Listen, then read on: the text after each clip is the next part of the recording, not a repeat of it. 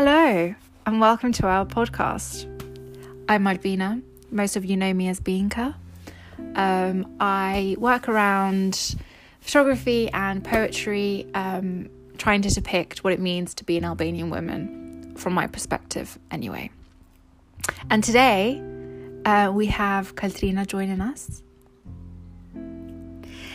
Um, so, what will we be discussing today? Yes, so today we're just going to talk about during these uncertain and strange times that we're all going through together. I thought there was a a niche for a podcast since we're basically doing nothing. Well, some of us, me, I'm guilty for doing nothing.